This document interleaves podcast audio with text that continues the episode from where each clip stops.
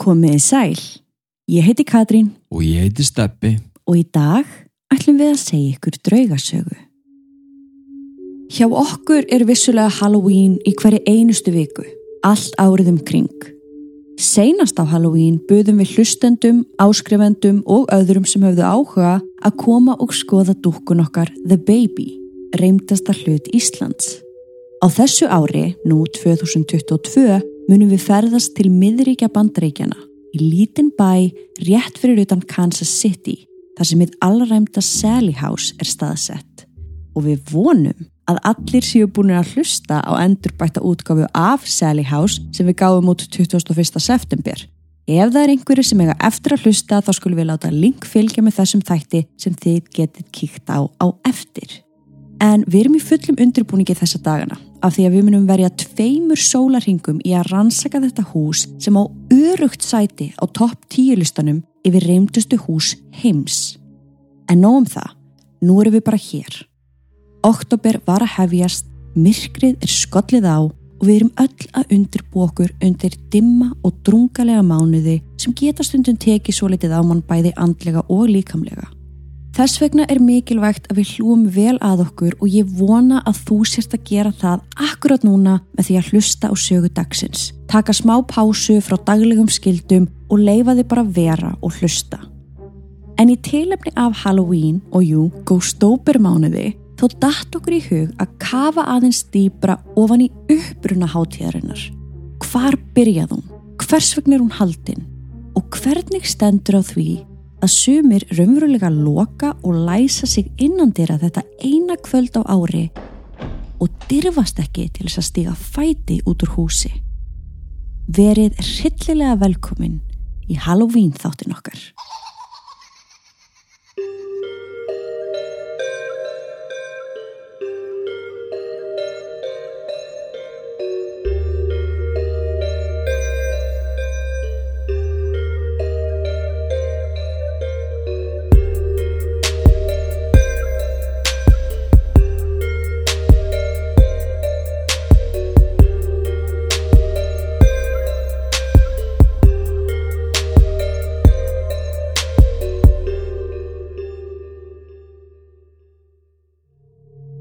Við viljum minna á að draugarsöðunar okkar eru ekki við hæfi barna yngri en 13 ára nema með leifi fullorna.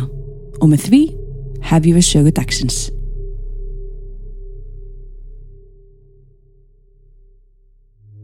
Halloween eða hrekkjavagan eins og við Íslendingar viljum kallana er hefð sem er nokkur nýtt til komin hérlendis. Já, Við sem erum að hlusta núna munum ekki eftir því að hafa klætt okkur eitthvað sérstaklega upp fyrir þennan dag þegar við vorum yngri.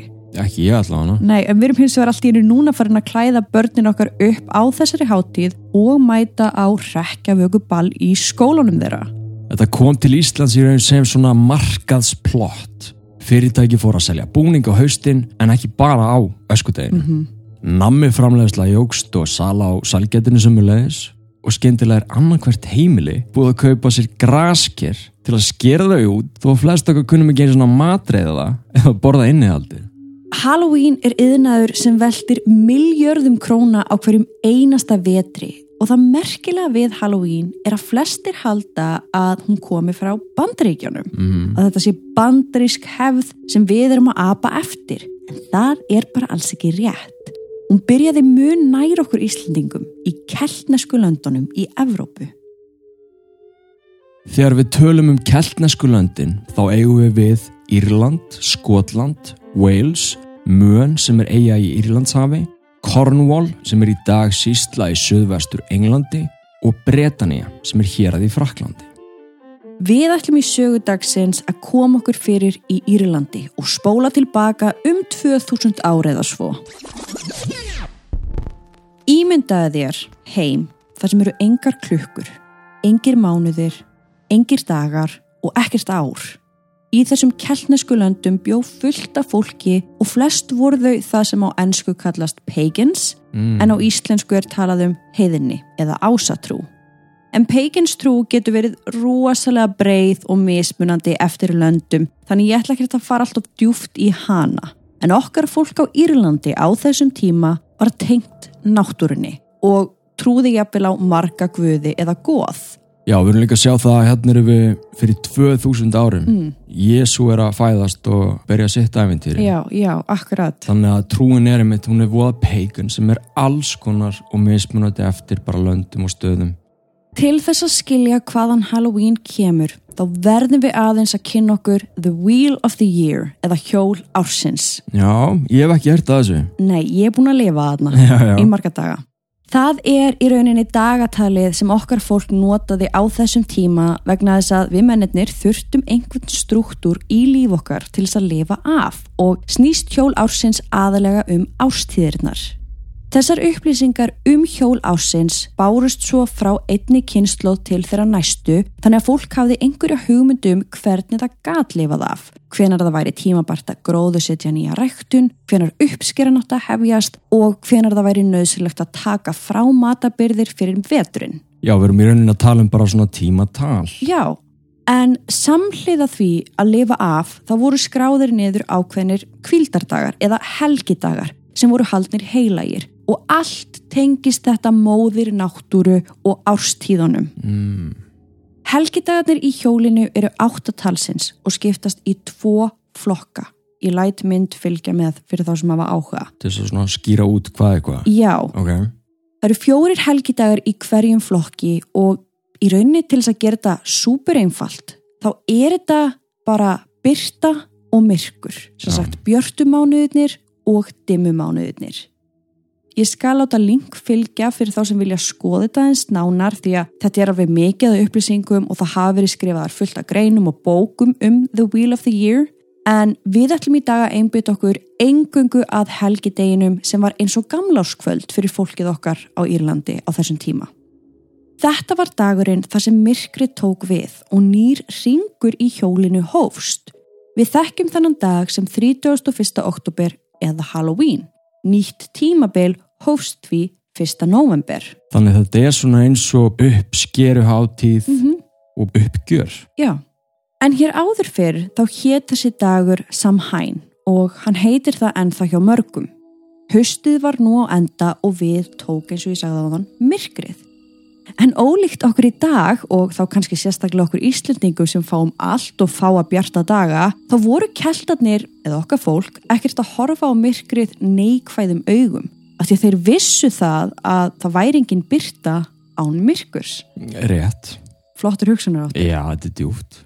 Svo þeir tóku þessu með ágætis jafnargeði og á þessum degi var mikilvægt fyrir þau að staldra aðeins við og skoða hvað þau höfðu grætt á árunu og hvað þau höfðu mist. Svona eins og maður gerir á gamláskvöld. Já, Vegna þess að keltar trúðu því heils hugar að vanþakklæti út í heimin og móður náttúru væri ákveðin synd sem að leti mann inn í beturleika, gremju og sjálfsvorkun. mm, En með því að staldra við og finna það góða í mögulega slæmum aðstæðum, eftir til dæmis harðan vetur, þá náðu fólki að halda ákveðinu jafnvægi.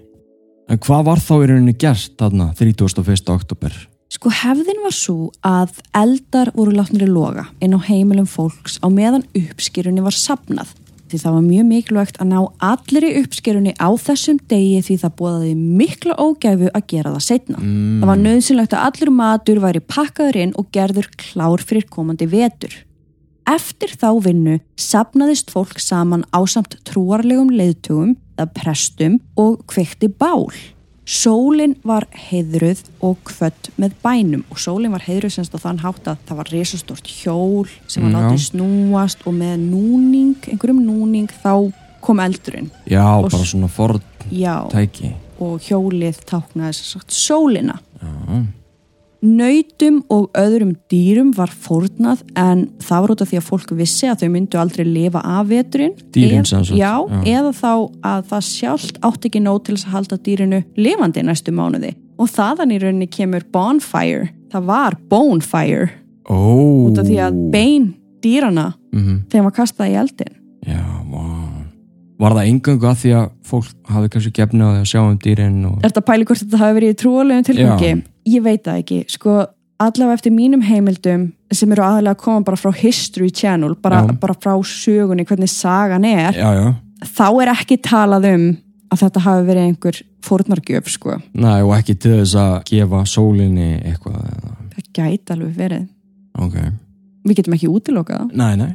En þessi dagur var líka tilengaður hinnum dauðu og vanalega myndi ég tala um dag hinn að látnu, það er aðeins fallegra, Mm en Halloween snerist ekki engungu um fólk sem að hafði búið á þessari jörð og fallið frá. Heldur alls konar verur eins og álfa, nornir og djöbla og öll helduðu sig í undirheimunum nema akkurat á þessum degi þegar hulan á milli þess að tveggja heima var sem þinnst og mögulega var komið smá róf í hana svo hennir dauðu áttu greiða leið í gegn. Þess vegna var mikilvægt að kveika í kindli, þínum eigin kindli, við stóra bálið sem prestlarnir kveiktu og fara með eldin heim til þín. Heima þurfti fólk að kveika sitt eigið bál og leifa því að brenna út vegna þess að eldurinn átt að fæla þá dauðu í burtu. þannig að þessi eldur var eitthvað heilagur. Mhm. Báli sem að þú tókst með þér heim, eða eldurinn, hann þurfti að koma þaðan. Já, Og þetta þekkist líka í trúalegum tilgangi til dæmis katholsku kirkjunni. Þá er kannski Bethlehemskertið fært um allan heim og login bara látin loga og deyr aldrei út. áhugavert. Já. En það voru líka sögur á kreiki um hvað geti gerst ef einstaklingur skildi kannski rekast á álf eða djöful á þessum degi, ekki satt? Jú. Álvar gáttu tælti og fengið þess að gera einhverja bölva þvælu og djöflar gáttu stólið sáliðinni. Þeir sem áttu látna óvinni voru sérstaklega hrættur um að sá aðli myndu ganga aftur í þeim eina tilgangi að ná fram hendum. Þess vegna skapaði svo hefð að dulbúa sig til þess að villa fyrir þeim dauðu og þykjast vera einn af þeim eða kannski bara einhver allt annar.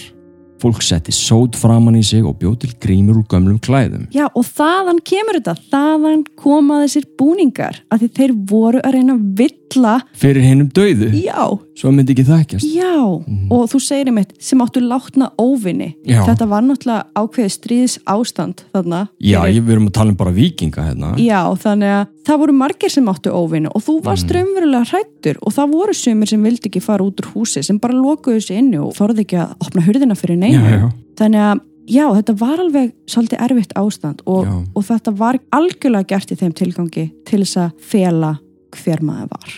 Ætlaði að virka. Pottjætt. Já, Ég held að þetta hafi örgulega að virka. Í einhver í einhverju skipti. tilfellum, já.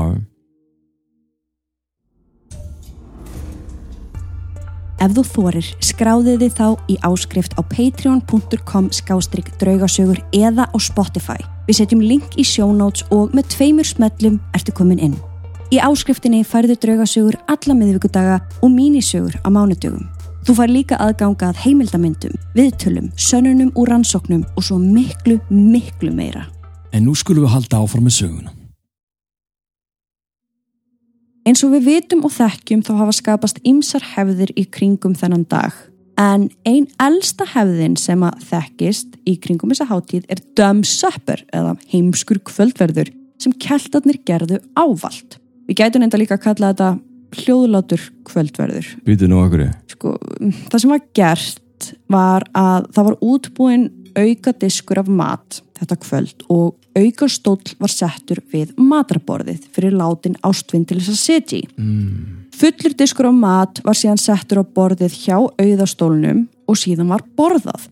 En það var samt alveg mikilvægt að vera ekkert að stara á auðastólinn í sífellu. Fólk átti frekar að láta bara eins og hann væri ekki þarna, fólk átti ekki mikið að vera að tala saman. Og eftir matinn var diskurinn, sem var auðvitað ennþá með öllum matnum á, settur út fyrir aðrar afturgöngur til þess að gæða sér á. Ég skil, þannig að fengu allir smá. Mm Já, ég man einu sinni þegar ég var í Philipsheim, Mm. þá fórum við í svona kirkjugarð og það var svona hátíð sem var haldin til einhver þeim látnum og við tókum okkur fullt af mat og það var einmitt lagt á borð eða þannig í svona hofi Mm. á disk fyrir þannig látna. Og svo voru allir að borða og hafa gaman og svo var maturinn bara skilin eftir. Þannig að þetta þekkist greinilega á mörgum stöðum. Hvað varstu gamall? Dumb Supper, ég hafi ekki verið svona 8-9 ára. Önnur hefð var að láta spá fyrir sér á samhæn af því að þetta þótti akkurat rétti tíminn til þess að framkvæma alls konar helgisiði, afstýra ílsku og byggjum vernd gegn dauðum og öðrum verum. Fólk sóttist í verndargripi, annarkort til þess að bera á sér eða hafa fyrir utan heimili sitt og oftast var þetta hauskúpa forfeðra þeirra Nei. sem myndi verða fjölskylduna fyrir illum öndum um nóttina. Jú, Vá, uppskrift að reymleika bara með hauskúpuna hans afa. Epli voru síðan talin vera ávöxtur frá hinum heiminum Ó, og voru þau því oft notuð til galdra og spásagna. Ungar konur skrældu epli í einum rikk, sérst ekki mörgusinu, þú þurftur að ná þessu í einum rikk já, og þegar hýðið var komið af þá hendu þær hýðinu já, yfir öxlina og eftir það átti hýðið að mótast og sína upphafsbókstaf í nafni tilvonandi eiginmanns að sjálfsögðu að sjálfsögðu. Vá, hvað þetta er gott Konur stóðu líka fyrir framann speil og borðiðu epli og greitt á sér hárið á sama tíma og þessi gjörð átt að kalla fram mynd af tilvonandi eiginmanni í speiklinum. Ég er samt ekki frá því að hafi fullt af mönnum gert þetta líka. Já, ætli það ekki Jú, til þess að reyna að sjá. Það er alltaf að tala bara um konurnar. Já, Ég já. vissum að hafi einhverju menn verið að borða epli og greiða sér hárið til þess að reyna að finna eiginkonu sína. Já, Mm Seinasta hefðin sem að tengist eplum er kannski eins og þekktasta en þá voru epli sett ofan í pott eða tunnu af vatni og fólk átt að reyna að góma eitt þeirra með því að nota tennurnar. já ég sé vídeo af þessu, þetta Já, er óksla Og fyndið þeir sem að náðu taki á eplinu eða bita áttast þeirra að vera gæfu samir í framtíðinni. Já, þarna var greinlega ekki komið COVID Nei, Nei, þetta var partíleikurinn í gamla daga. Á meðan sumir reynda að dulbúa sig og aðrir reynda að spá í framtíðina með epla áti, þá voru enn aðrir að gera sig tilbúna í hættu för. Því sjáu til. Fólki var stundum rænt og ef það kom ekki tilbaka í einhver tíma, nýja fannst að látið einhver staðar, þá voru fjölskyldumæðlumir vissir um að álvatnir bæru sög. ha, Sem sagt að álvatnir hefðu rænt fólkinu þeirra. býtið erum við að tala um álfa eins og þekkist á Íslandi Við erum bara að tala um álva almennt. Álfa almennt, já, já, ok Samhænóttin var þeirra eina tækifæri til þess að vinna ástvinni sína til baka. Frá álfunum Já, og ég veit ekki nákvæmlega hvernig það var gert, en það eru þó nokkrar þjóðsögur sem fjalla um nákvæmlega þetta og eins og frægast að kallast Tamlin og ræti sína að reyka til Skotlands. Það er sagt frá ungri konu sem er að bjarga elskuða sínum úr klóm álfana. Þannig að fólk var kannski búið að undibúa sig alveg í heilt, Heilt ár eða heilan ring Já, og þetta var dagurinn sem þú ætlaði sko að ná fjölskyldu meðlemi tilbaka. vá En hér erum við búin að skoða hvar þessi hátíð byrjaði og við erum búin að skoða nokkrar hefðir. En í gegnum árin hafa orðið alls konar breytingar og hefðirnar eru mismunandi eftir löndum. Svo það er eiginlega ómögulegt að telja þær allar upp, en við skulum kafa örlítið dýbra. Á nýjöndu öld hafði kristin trú breyðist út til keltneskra landa, þar á meðal til fólksins okkar í Írlandi. Hægt og rólega blandaðist hún saman við trú heimamanna. En svo verður sem að kirkjan hafi séð þarna leika á borði. Þeir ákveða að búa til sína eigin daga. Þeir byrja á því að búa til All Saints Day eða allra heilagra messu. Þessi dagur á rætur sína að rekja til Rómar þegar að Pantheon hofinu í Rómarborg var breytt í kirkju og var þessi dagur helgaður öllum píslarvottum. Alla heilagra messa er ávalt 1. november. Nokkrum árum setna, eða um árið 993, þá var búin til annar dagur sem átti uppruna sinn í Fraklandi. Sá dagur heitir Allra Sálumessa. Allra Sálumessa er alltaf annan november og er í rauninni dagur kirkjunar til þess að minnast þeirra látnu. En samt sérstaklega þeirra sem eru í hreinsunareldinum. Já, segðu mér aðeins meira frá því að ég veit að þú ert fróður þarna. Já, sko, við verðum einn að skoða þetta aðeins betur því að lengi var talið og er ennað einhverju leiti að í katholskri trú sé eitthvað sem að kallast hreinsunar eldurinn eða á ennsku purgatory. Eftir dauð okkar séu því þrýr staðir þar sem sálinn okkar gæti endað, sem sagt í himnaríki, í helviti eða í þessum hreinsunareldi. Já. Þeir sem hafa því kannski lifa frekar syndsamlegu lífi eiga því enn séns á að komast í ríki Guðs. Nefn að sálirnar þurfa að dvelja í hreinsunarloganum allt til 1. november ár hvert og þá verður ráðið úr um hvort þú færir upp eða niður. Ah, ég skil. Ok. Margar sálir séu því beðstöðu Og akkurat þarna þegar hulan á milli heim okkar levandi og þegar döðu er hvað þinnst þá villast kannski einhverja sálu þarna í gegn. Í dag er ennþægt að trúaðir leiti í kirkjugarða og votti sínu fólki virðingu einmitt á þessum dögum. Já, og þá þarna líka fyrsta nóvumber. Já, Og þú tala um fyrsta nóvumber og annan nóvumber. Já. Mhm. Sumir vaka alla nóttina og byggja í kirkjum sínum og aðrir fasta yfir alla þessa þrjá daga, sem sagt 31. rekkjavaka, 1. og annan nóvember. Var einhver af þessum dögum þegar þú fóst í kirkjugarðin í Filipsheim? Já, Hvað? það var heldur 1. eða annan. Aha.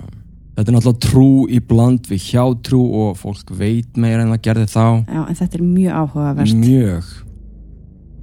Svo nú þekkjum við hátíð keltana sem kallast Samhain og er 31. oktober og svo núna er kirkjan komið tvo daga beint og eftir og annar þeirra þjónar svipu um tilgangi og Samhain. En hvernig þróaðist þetta í Halloween?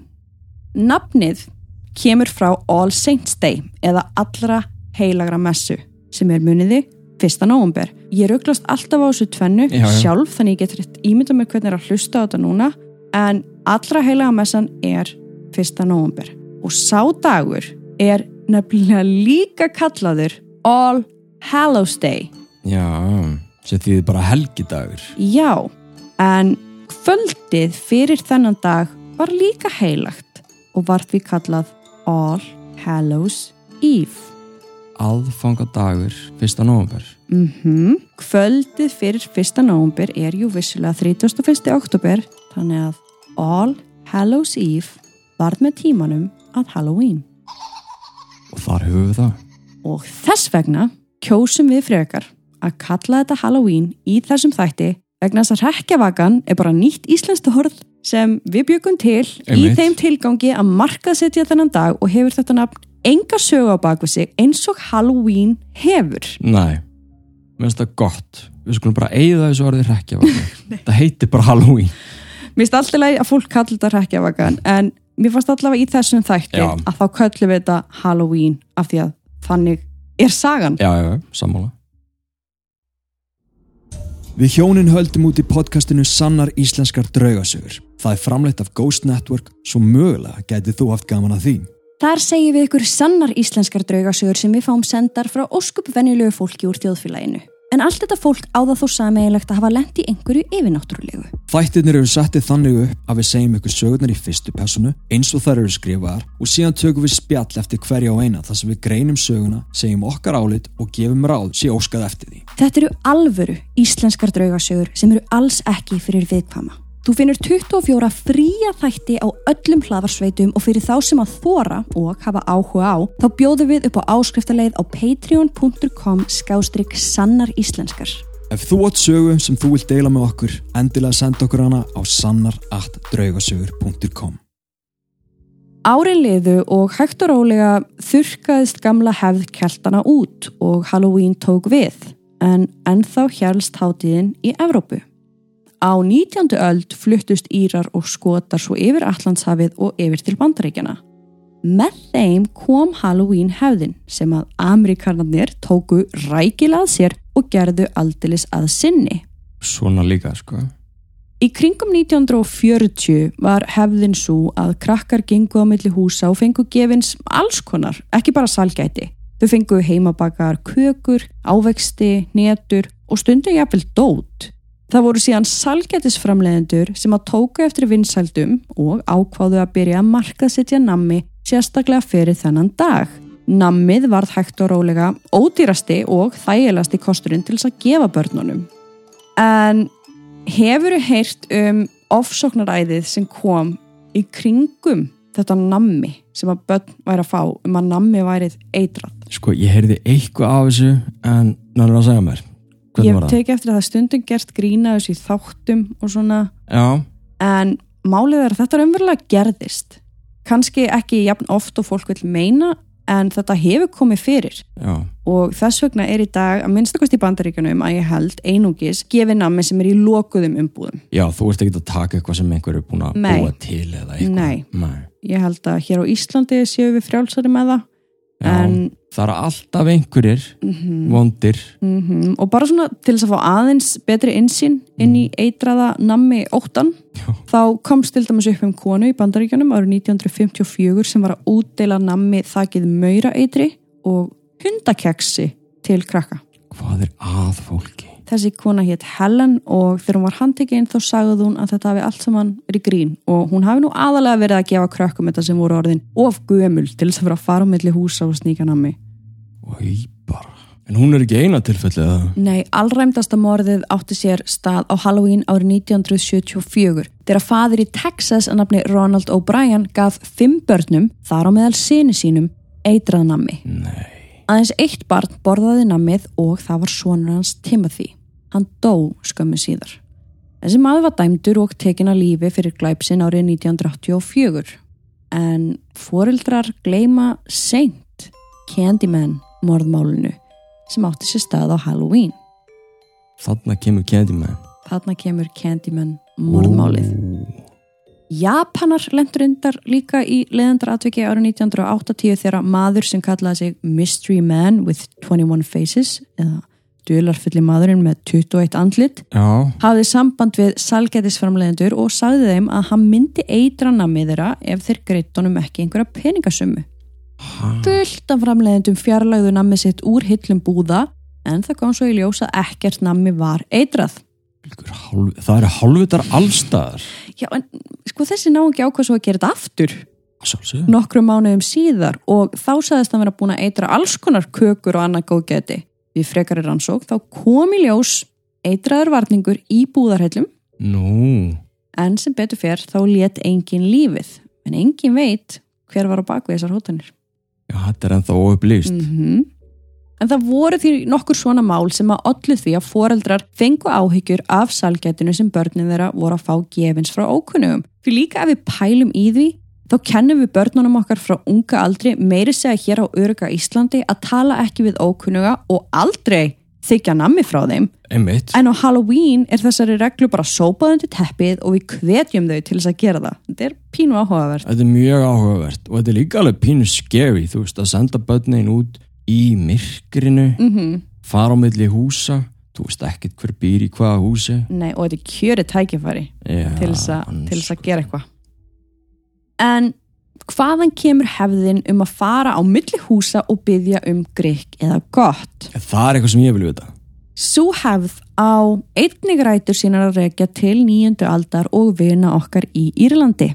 Muniði þegar Kristinn trú fór að breyða út sína vangi og reyndi veginn að blandast inn í paganstrúna? Akkurat, akkurat. Þá sem sagt byrjaði svo hefð að fátækt fólk heimsótti heimili ríka fólksins og fekk eitthvað bakkjálsi eins og kökur eða keks og í staðinn þá myndi fátæka fólkið byggja fyrir þeim og látnum ættingum þeirra. aðteglisvert Svona gekk þetta lengi þangað til börn fór að taka upp á því að gera það sama svo þau fóru frá einu húsi í það næsta bunguðu upp á og báðu um gjöf til dæmis mat, pening eða drikk en í staðin fyrir að byggja fyrir þeim látnu þá sungu þau. Mm, svona svipa eins og við gerum á öskudegin Já, í Skotlandi og Englandi fóru krakkar að taka upp á því að klæða sig í búninga, ganga á milli húsa og þau fengu síðan borga með einhverju góðgæti ef þau gerði eitthvað fyrir fjölskylduna, svo sem syndu einhverjum heimilistörfum eða gerði eitthvað í gardinum eða eitthvað slíkt. já, Stundum sungu þau, fóru með ljóð, sögðu brandara eða, já, gerði einhvert greik og svo fengu þau borgað, oftast með netum, ávöxtum eða pening. En með tíð og tíma hættur hekkinar að vera svona saklusir og fólk fór að ganga mun lengra en áður. Árið 1907 tók einhver prakkari upp á því að setja gattavýr þvert yfir gangstjættina svo að fólk dattum um sagt, Já, hættu á hrekkjavökunni já, á Halloween? Já, og semst fólk var að detta en það var einn maður sem ætlaði ekki láta bjóða sér þetta svo hann tók upp byssu og skaut drengin. já, getur orð Úlingar voru að hópast út á götur og með samvinnu liftu þeir upp bílum fólks og settu þá á hliðina wow. og við erum að tala um bara ljótar hekki sem að stopnaði öryggi fólks í hættu og hreinlega kostnaðar söm skemmtaraverk. við erum að tala um bara svona The Purge Við erum að tala um The Purge, algjörlega. Jesus. Í kreppinu miklu eða The Great Depression frá árunum 1929 til 1939 þá urðu hrekkirnir ennþá verri.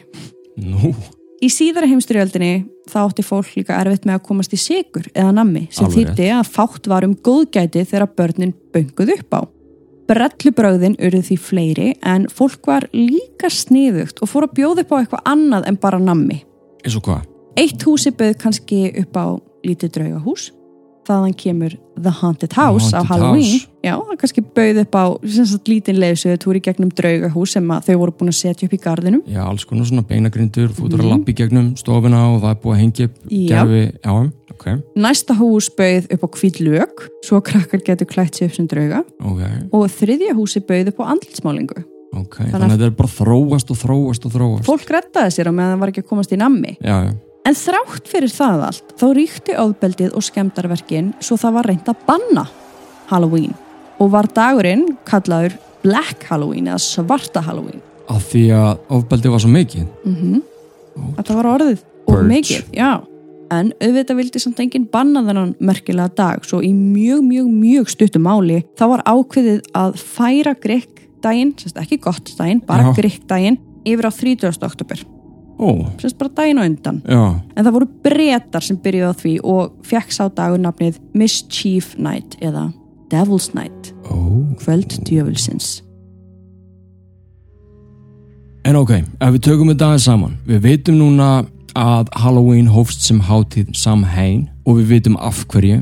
Við þekkjum hefðina um að auka stóll var settu við borðið og fyrir framann hann var settu diskur fullur af mat. Svo var þessi diskur síðan fjarlæður, settur út fyrir aðrar afturgöngur. Mm Við veitum að það kveikt stórt bál og fólk kveikti bál í húsum sínum til þess að rekja þá döði í burtu. Við veitum að búningarnir sem að fólk klæðist í dag kemur frá keltonum sem settu sót framan í sig til þess að þeir eru óþækjanlegir. Við þekkjum sögun á baku hefðina grikk eða gott en það er ein hefði viðbót sem við eigum eftir að tala um það ekki. -hmm. Hvaðan komu þessi blessiðu grasker? Enn og aftur erum við mætt til Írlands en allt þetta hófst á gamalli þjóðsögu um Stingy Jack eða hinn snjalla Jack. Sagan segir að Jack hafi bóðið djöflinum sjálfum í drikk með sér þann 31. oktober. En þegar að drikkurinn var búinn þá vildi Jack ekki borga fyrir hann. Hann talar djöflin til og fær hann til þess að breyta sér í pening svo hann gæti greitt með honum. Djöfullin gerir það, en í staðin fyrir að borga fyrir drikkin þá stingur Jack krónunni í vasan, en þar var hann einning með silfurkross, svo núna var djöfullin fastur. Á endanum ákvað Jack að frelsa djöfullin, en með því skilriði að hann myndi láta hann vera í eitt ár. Og ef hann skildi deyja, þá mætti djöfullin ekki hyrða sálans. Árið setna nær Jack aftur að plata djöfullin. Í þetta skipti byður hann hann um að klifra upp í tré fyrir sig til þess að týna ávöxt. Þegar djöfullin var komin upp í tréð þá sker Jack kross í viðin svo að djöfullin komst ekki niður aftur. Jack sagðist ekki ætla honum niður nema hann lofaði að láta hann vera næstu tíu árin.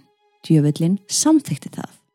Fljótlega eftir þá deyr Jack. Guð hafði samt engan áhuga á að fá mannin inn í himnaríki og djöfullin var ennþá reyður út í hann fyrir öll brellubröðin svo að Jack var fastur. Djöfullin senda hann út í myrkrið endalösa með aðeins örlítinn eld á kólum. Jack fann síðan rófu og hann skar hana út þannig að hann gætt sett eldin inn í hana. Síðan fór hann sína leið út í myrkrið fastur á milli tvekja heima. Þessi saga gekk á milli manna eins og þjóðsögur gera og endanum var fólk byrjað að gera sína eigin útgáfu af leiðarljósinu hans Jacks. Fólk skar fyrst út rófur og karteblur og settu það fyrir utan hurðina eða í gluggan til þess að hræða Jack í burtu. Ég skil. Eins og áður þá fóru Írarnir með þessa hefð til bandreikjana og það voru bandreikjamenn sem ákvaðu að grasker væri mun hendugra í verkið og það er það sem við þekkjum í dag. Vá, þá veitum við það. Mm Þetta er merkilegt. Já.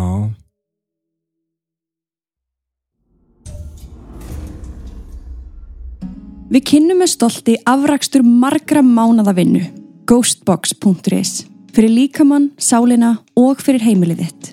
Skoðaðu úrvalið á ghostbox.is. Mér langar síðan bara rétt að minnast á hátíð sem að kemur frá Mexiko sem að kallast Day of the Dead eða dagur hérna döðu. Það er dagurinn þar sem fjölskyldur bjóða velkomin sálir hérna látnu og heiðra þær með veistluhaldi. Já, þeir sem sagt halda upp á Halloween 31. oktober Já, en það er þó aðalega barnaháttíð. Dagurinn að dauðu er síðan annan november á allra sálumessu eins og við töluðum um áðan. rétt.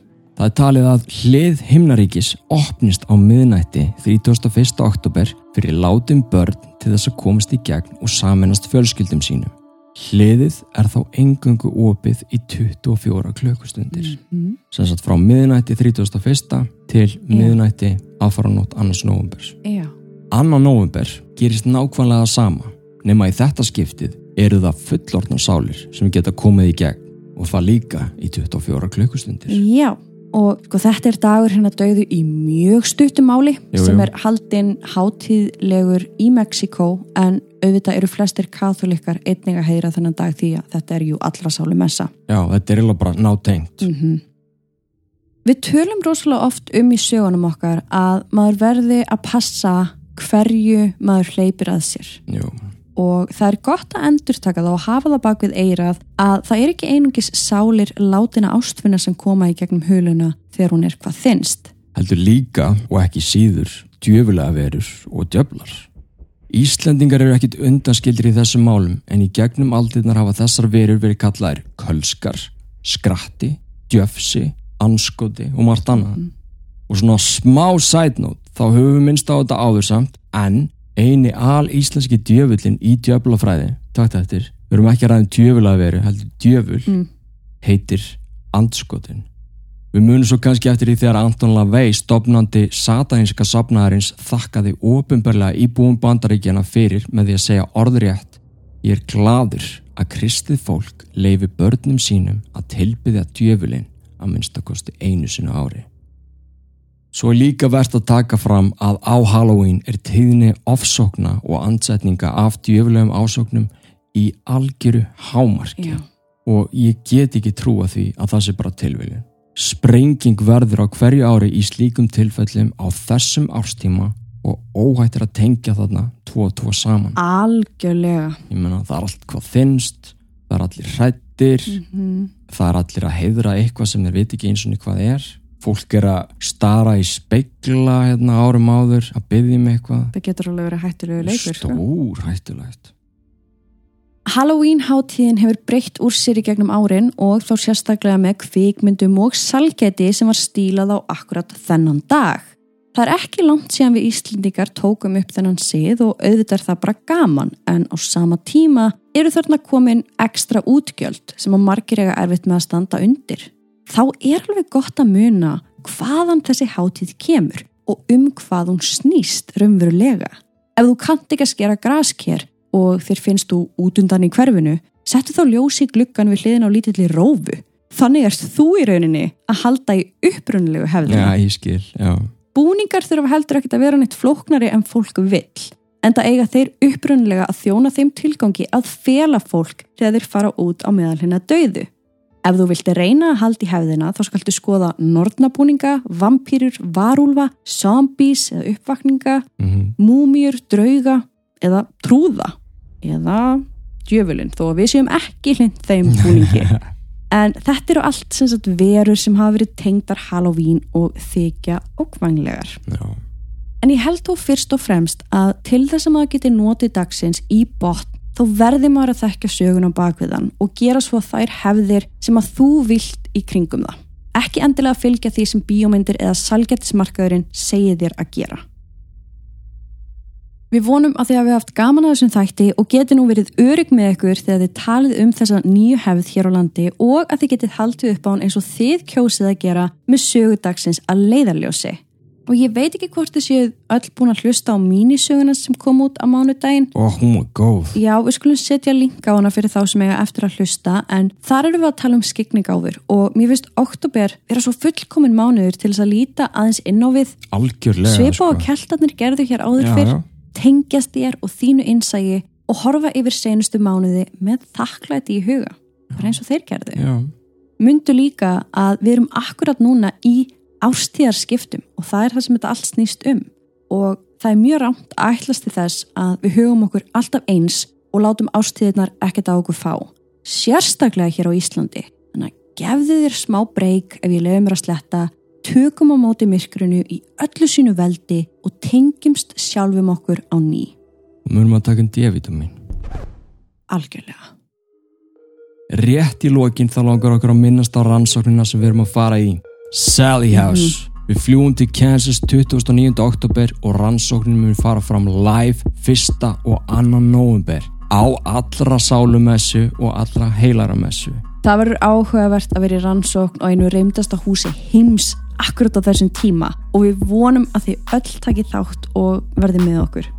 En annars þá segjum við bara takk fyrir að hlusta á sögu dagsins, gangið þér vel í því sem þú ert að gera og við verðum hér aftur næsta mánudag með skuggalega mínisögu.